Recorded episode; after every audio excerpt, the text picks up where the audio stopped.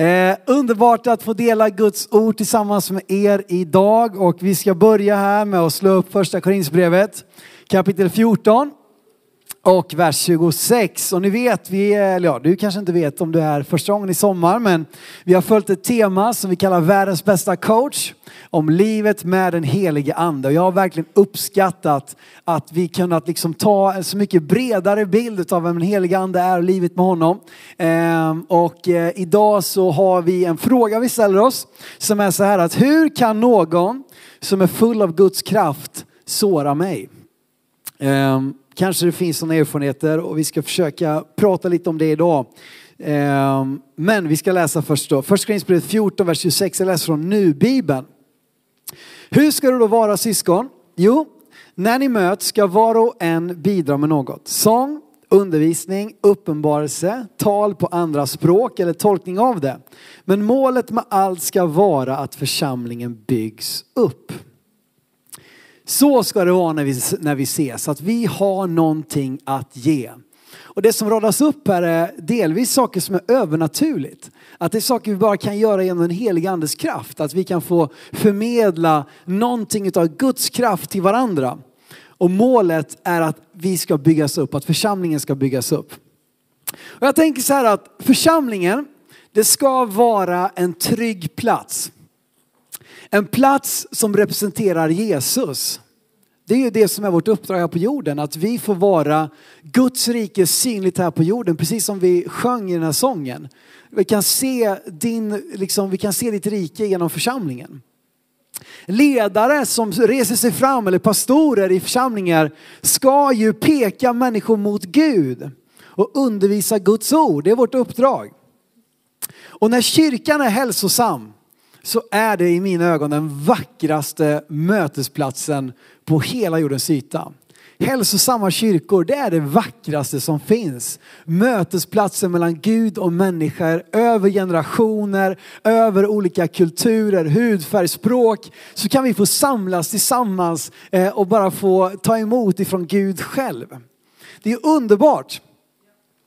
Och trots det, eller kanske just därför, så är det alldeles för många som blir sårade eh, på grund av eller genom eller i kyrkan. Eh, och eh, det är ju sådär att med tanke på vad liksom målbilden är med församlingen, att det ska representera Guds rike här på jorden, så blir ju också förväntningarna höga eh, på, på kyrkan. Och när de förväntningarna inte möts så riskerar ju fallet att bli desto hårdare. Sveket kan, kan riskera att ta mycket tuffare. Just för att det är i församlingen det sker. Just för att det är en andlig ledare kanske som begår ett misstag som faller, som missbrukar sin position eller sin plats. Ehm, och då tänker jag så här, jag var inblandad lite, det var en liten debatt, det är sådär, alltså svenska kristenheten, det är inte världens största värld. Men i Sveriges kristenhet i alla fall så har det varit en liten debatt den här våren kan man väl säga.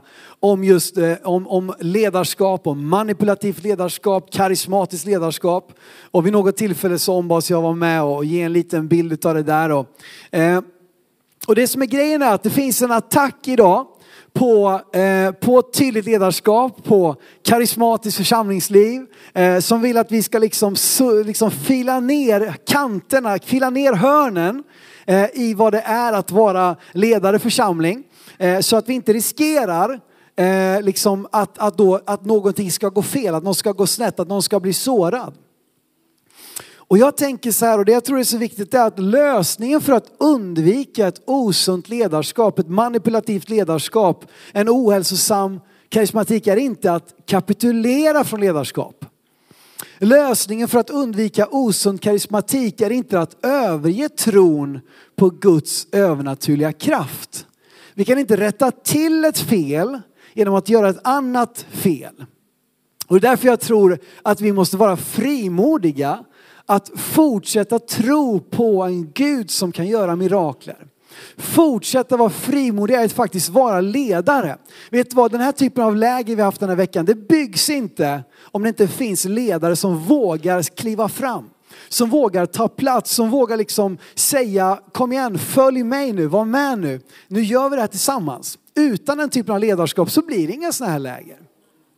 Så lösningen då på allt det här som, alltså jag vill säga det med, med största respekt att varje liksom sår som har orsakats av en predikant, en pastor, en ledare, en församling. Det är ett sår för mycket.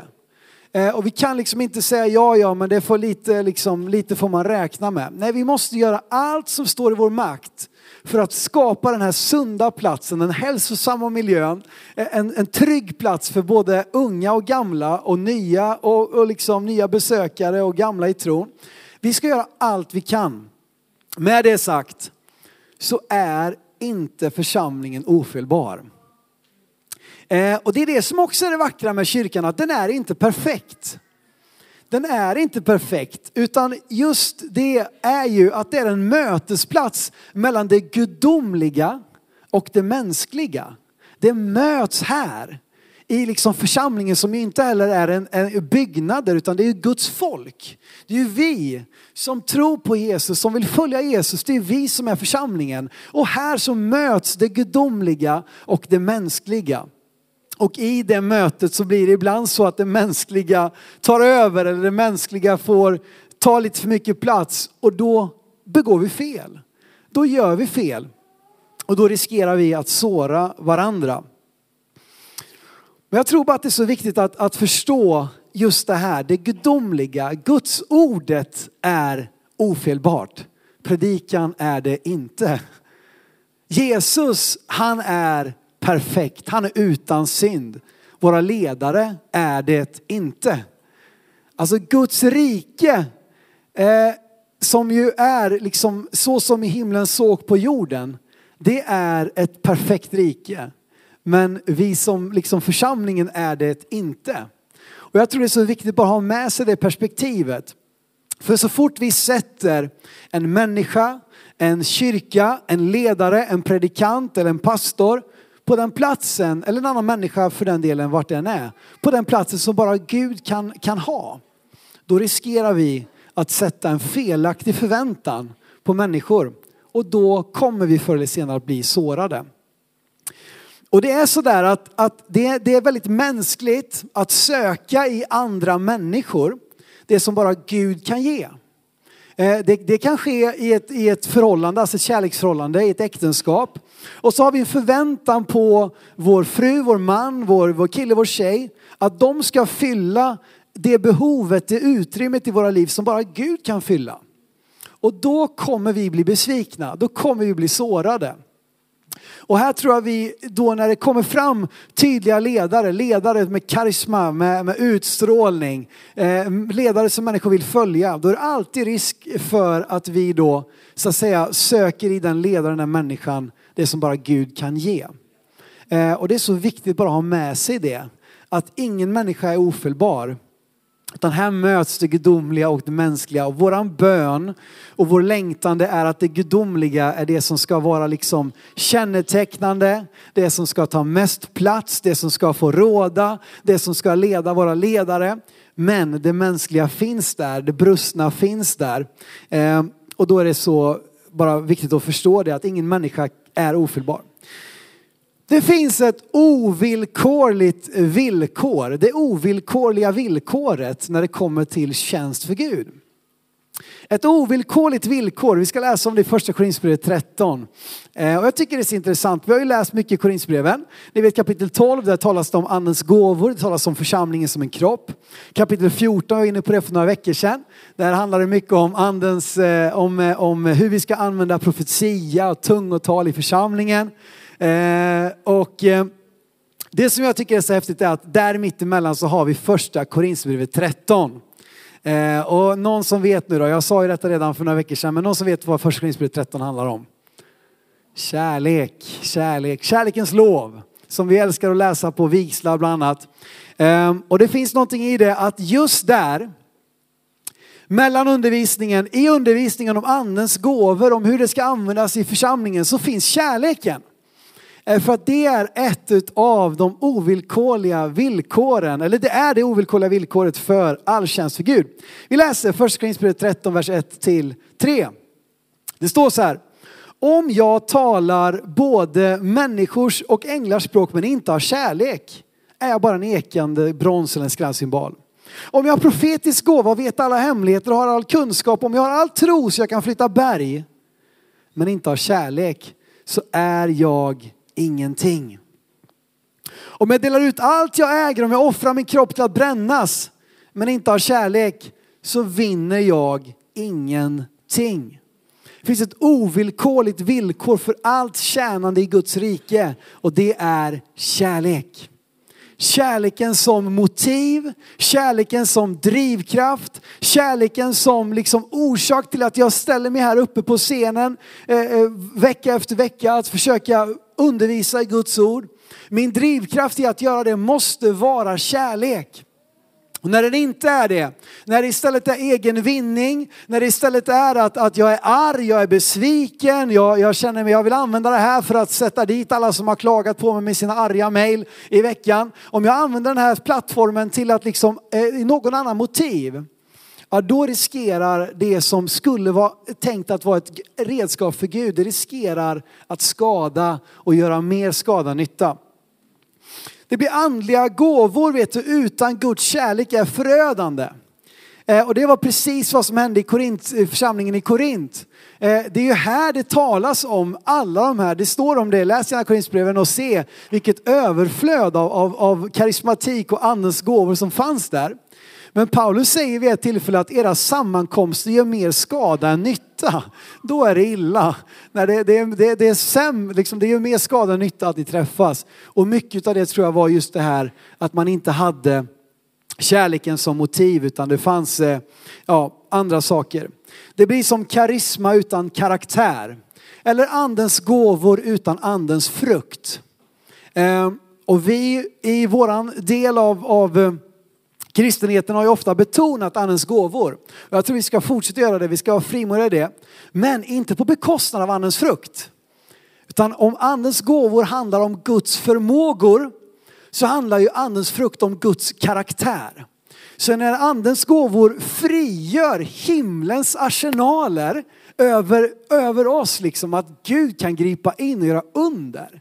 Så ger andens frukt oss förmågan att göra det på det sätt som Gud är med hans kärlek, med hans karaktär. Eh, och därför tror jag det är så viktigt att inte bara betona det ena utan det andra. Utan det är det som jag tror Paulus försöker göra här. Och varför kärleken dyker in mitt i den här undervisningen om andens gåvor och församlingen och så vidare. Jag tror inte det är en slump. En av andens gåvor står så här i första Korinthierbrevet 12 och 10. Det står så här. En får gåvan att profetera, en annan att skilja mellan andar. Och när vi nu ska reda ut, vad är det här? Det här som jag, det här som jag har blivit utsatt för. Eh, den här människan som står framför mig, den andliga ledaren, det här kyrkan, det här sammanhanget. Vad är det som ligger bakom? Här finns det en gåva som är given till församlingen för att vi ska kunna urskilja vad som är vad. Nämligen gåvan att skilja mellan andar. Vad är det som ligger bakom en människas handling? Handlingen kan ju vara precis rätt. Men vad är det för ande som ligger bakom? Jag menar, ni kommer ihåg det i Matteus 16. Eh, Jesus talar med sina lärjungar och frågar, vem säger ni att jag är? Och Petrus, han som alltid är frimodig, tar till orda, han säger, du är Messias, den levande Gudens son. Och Jesus säger, det är Fadern själv som har uppenbarat detta för dig.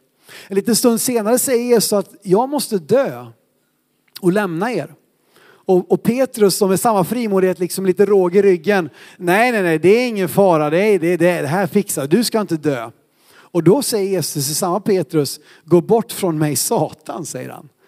Helt plötsligt var det något annat. Det var liksom inte, det var inte längre Fadern som hade uppenbarat för att Jesus behövde ju ge sitt liv för, för oss. Liksom. Han kunde inte avstå döden på korset.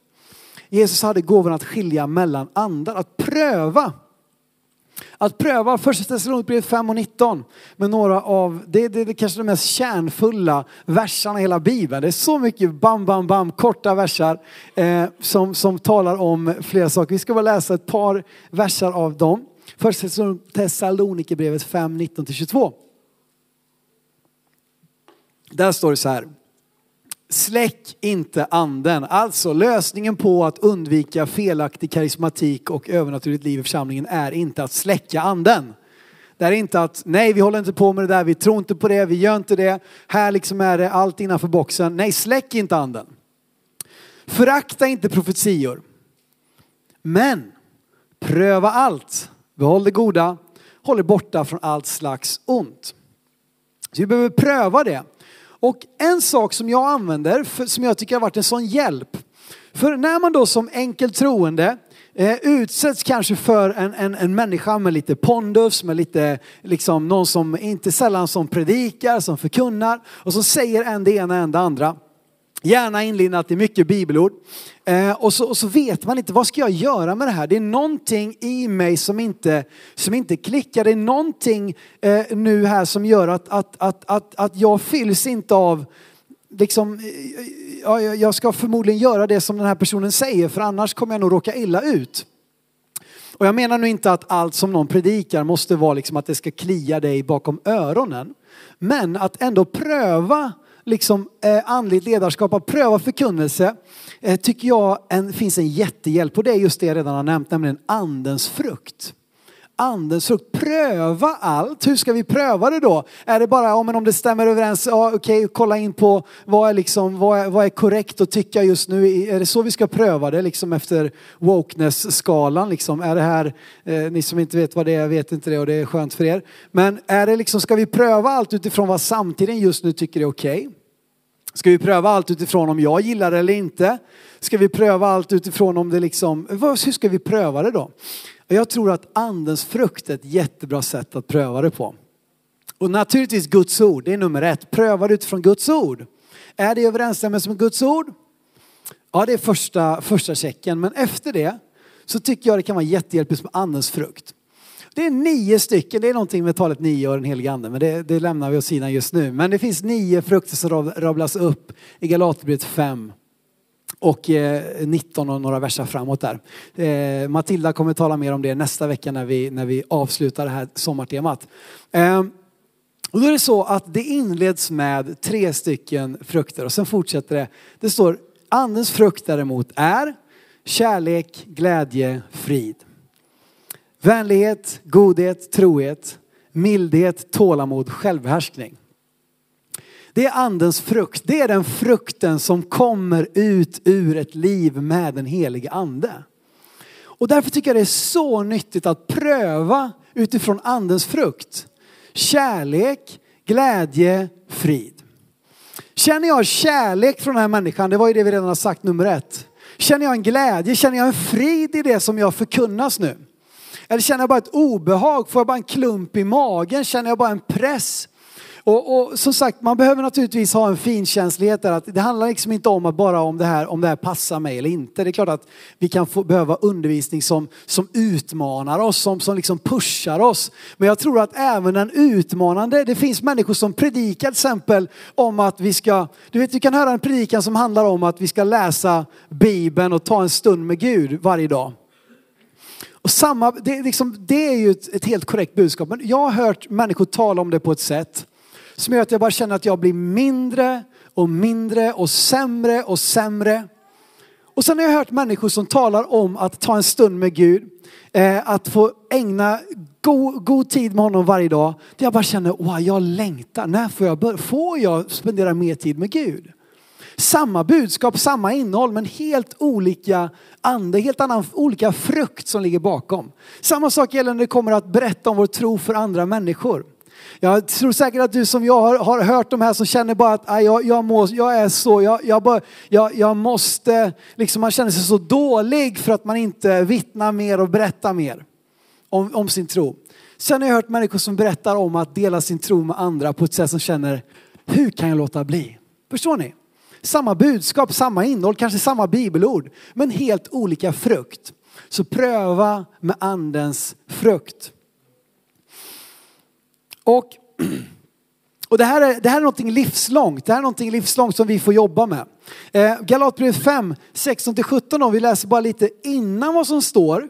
Eh, för sen då, precis innan det här mannens frukt, Galatbrevet 5, så står det om köttets gärningar, vad som är liksom, vad som är, vad som däremot är det som kommer utifrån på något sätt att vi inte låter oss ledas av anden utan vi låter oss ledas av, av våra begär, av våra lustar, av liksom den här världens på något sätt, eh, av djävulens liksom lockelser och frestelser. Eh, då talas det om köttets gärningar som är liksom eh, opposite, motsats till andens frukt. Och precis innan det så visar också den här kampen som finns då. För det är inte så att, att, att alla människor antingen gör bara det eller bara det. Vi har nog alla upplevt lite grann båda. Varför då? Jo, för det finns en strid i vårt, i vårt inre. Det finns en strid i vårt sinne, i våra tankar. Som Galatbrevet 5 beskriver som striden mellan anden och köttet. Och köttet nu, det är, ja, jag ska förklara det. Men låt oss läsa bara då Galaterbrevet 5, vers 16 till 17. Paulus säger så här. Vad jag vill säga är detta. Vandra i anden så gör ni inte vad köttet begär. Köttet söker det som är emot anden, anden söker det som är emot köttet. De två strider mot varandra så att ni inte kan göra det ni vill. Alltså köttet representerar alltså allt som är, alltså det, det, det mänskliga, eh, det, det fallna, eh, det, det är liksom på något sätt den här världens eh, eh, ja, allt som är negativt med den här världen och det som vi så lätt, liksom, vi faller så lätt dit i, i köttet så att säga, i oss själva, i vår egen kraft. Och här säger han att det finns en strid som varje lärjunge, men slutar inte den här striden när man blir frälst? Slutar inte den här striden när man har blivit döpt? Slutar inte den här striden när man börjar tala nya tungor? Nej. Paulus vittnar om det gång på gång att han upplever den här striden hela tiden. Mellan att låta anden, den helige ande vara det som råder i mitt liv. Eller att låta liksom köttet, det som drar mig bort ifrån Gud, det som, det som är av den här världen. Den här striden är livslång. Och den, det, det gäller ju även den som predikar. Det gäller även pastorer, det gäller även ledare. Um, och, och det här är liksom någonting som vi bara måste vara medvetna om att det är en strid som vi alla ställs inför. Som en livslång prövning. Och vi kan med andens hjälp liksom övervinna köttet så att säga. Men inte på ett sätt som att vi bara kan släppa garden. Och det är därför som det är så viktigt att vi kan inte bara liksom, ja men jag hade det bra med Gud för tio år sedan. Ja men vi behöver leva i den här relationen med helige ande hela tiden så att inte helt plötsligt köttet börjar liksom ta över. Att vi börjar, och, och så kan vi liksom leva på fornstora dagar. Nej, vi behöver vara medvetna om detta hela tiden. Och så är det också för de människorna som du ser upp till. De strider också med detta, de kämpar också med detta. Ja, och det är så lätt att få den här bilden liksom av att ja, men ni som är där framme, ni är väl så heliga och ni är väl så fromma. Ja, vi gör vårt bästa. Jag gör mitt bästa att försöka vara ödmjuk, att försöka ta hand om min familj, att försöka vara liksom god och, och barmhärtig mot, mot människorna omkring mig. Men jag faller och jag, jag sliter med vissa saker. Och det är bara viktigt att förstå det. Eh, och därför när, när en andlig ledare, en person som är full av Guds kraft har sårat dig, så kan vi för det första visa lite barmhärtighet för att vi förstår att den personen har också samma kamp att utgöra i sitt liv. Den är inte fri från det. Men då kan det också vara så att vi behöver, nej, eh, det här är ett sammanhang, det här är en ledare vars undervisning, vars inflytande i mitt liv inte producerar andens frukt. Utan det finns någonting annat. Vi, vi söker Guds ledning genom Guds ord, genom andens ledning. Att kunna skilja mellan andar. Och då kan det vara så att i vissa sammanhang behöver vi stänga igen dörren. Vi behöver sluta lyssna på vissa personer. Vi behöver bestämma liksom vem som har tillträde in i mina tankar. Men inte nödvändigtvis på ett sätt som att vi då liksom bara ska, ska döma den personen och tala om för hela världen hur värdelös den är och så vidare. Utan det finns någonting här också i att lämna domen åt Gud. Lämna domen åt Gud. Gud är den som dömer. Och det finns väldigt allvarsord kring mycket detta. Hur är balansen egentligen mellan att liksom ställa folk till rätta och att inte vara dömande? Ja, det behöver vi också, jag, jag har inget svar på det, vi behöver Guds ledning i det. Men jag tror att vi som kristna allt för ofta hamnar i diket av att låta besvikelsen över en människas handlingar ta över oss så att vi inte längre blir ledda av anden i barmhärtighet mot den som har svikit. Så att vi börjar döma och vi börjar fördöma och vi börjar i värsta fall förbanna. Eh, och helt plötsligt så kan det faktiskt vara, det finns ett allvar i detta med att, att vara dömande. mot andra. Eh, Guds ord säger att döm inte så blir ni inte heller dömda. Ehm, och vi kan bara lita på att det är i Guds hand. Domen är i Guds hand. Ehm, och ehm, som sagt, men måste vi inte ibland säga ifrån? Jo, det behöver vi. Men det där är någonting vi behöver söka Guds ledning i. Vad som är, liksom, vad, vilken kritik är hemma i vilket, i vilket forum. Ibland så, för att återgå till nämnda liksom debattsammanhang sådär, så kommer det ibland liksom Eh, frän, stark kritik liksom på Facebook, på dagens debattsida eller någonting. Och då funderar jag ibland, har den här personen sagt det här till personen direkt liksom? Var det rätt ställe att börja att bara gå public med sin kritik? Eller har man tagit det med personen i fråga innan det? Så att säga. Vi måste sortera.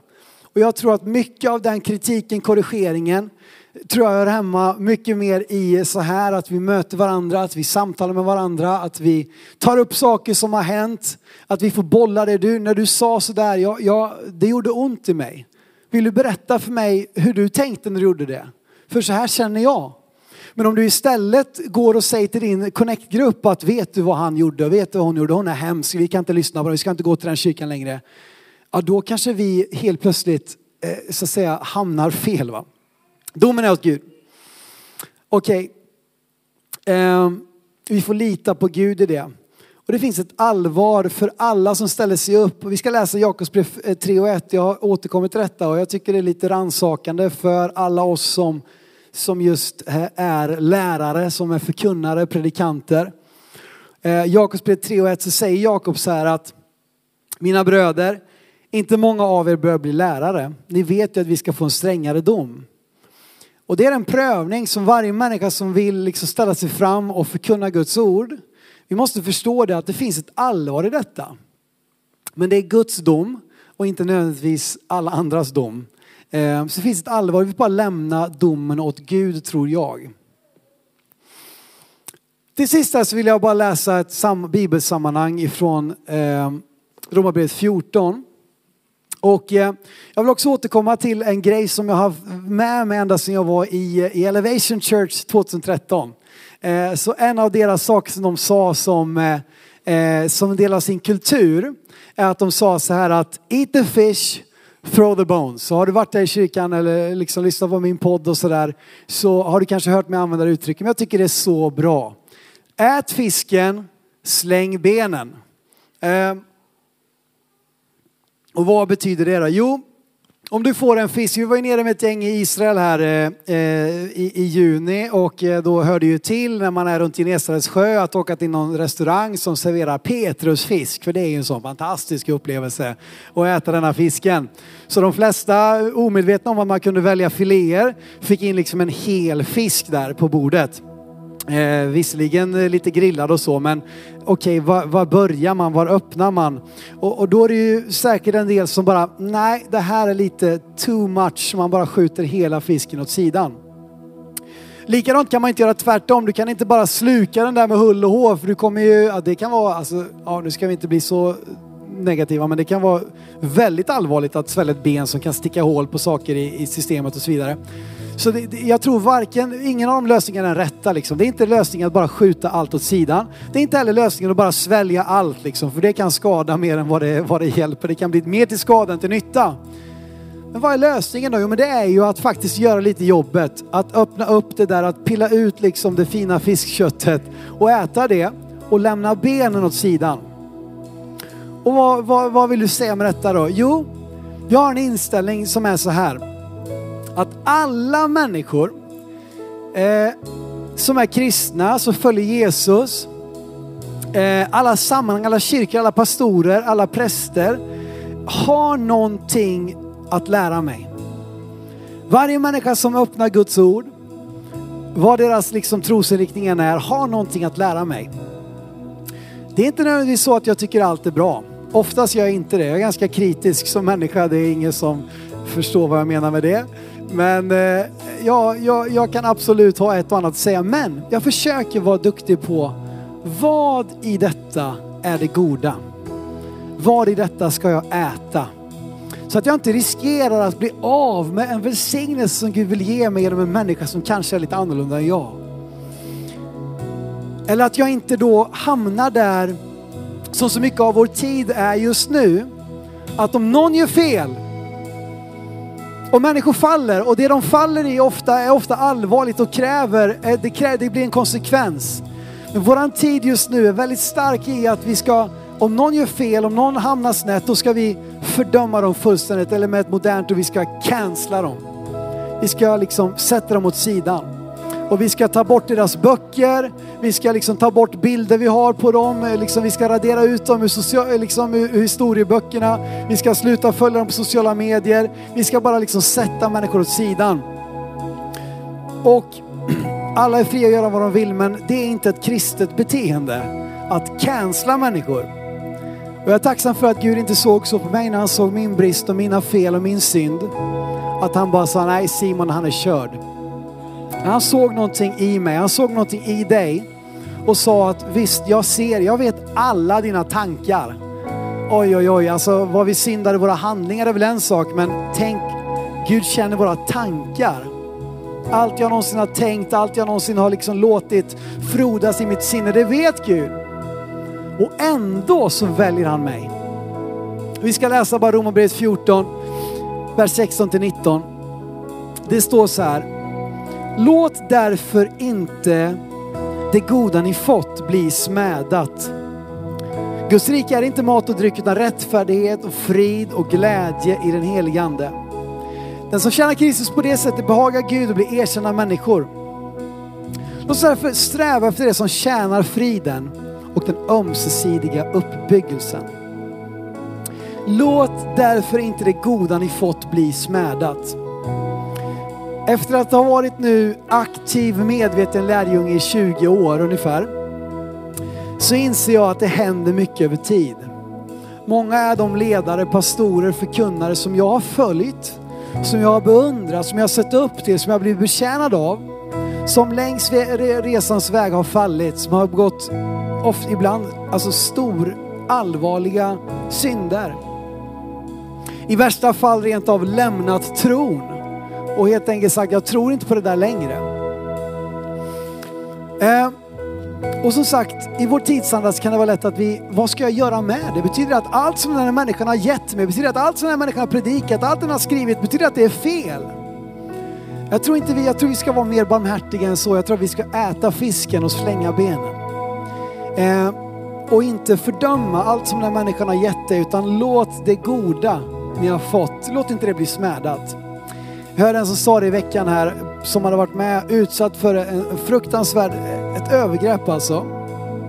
Men som sa så här, den smärta som den här människan har åsamkat mig ska inte beröva mig om den glädje jag kan få. Den smärta jag har åsamkats, alltså den smärta jag har utsatts för, ska inte också beröva den glädje som, som jag kan få del utav.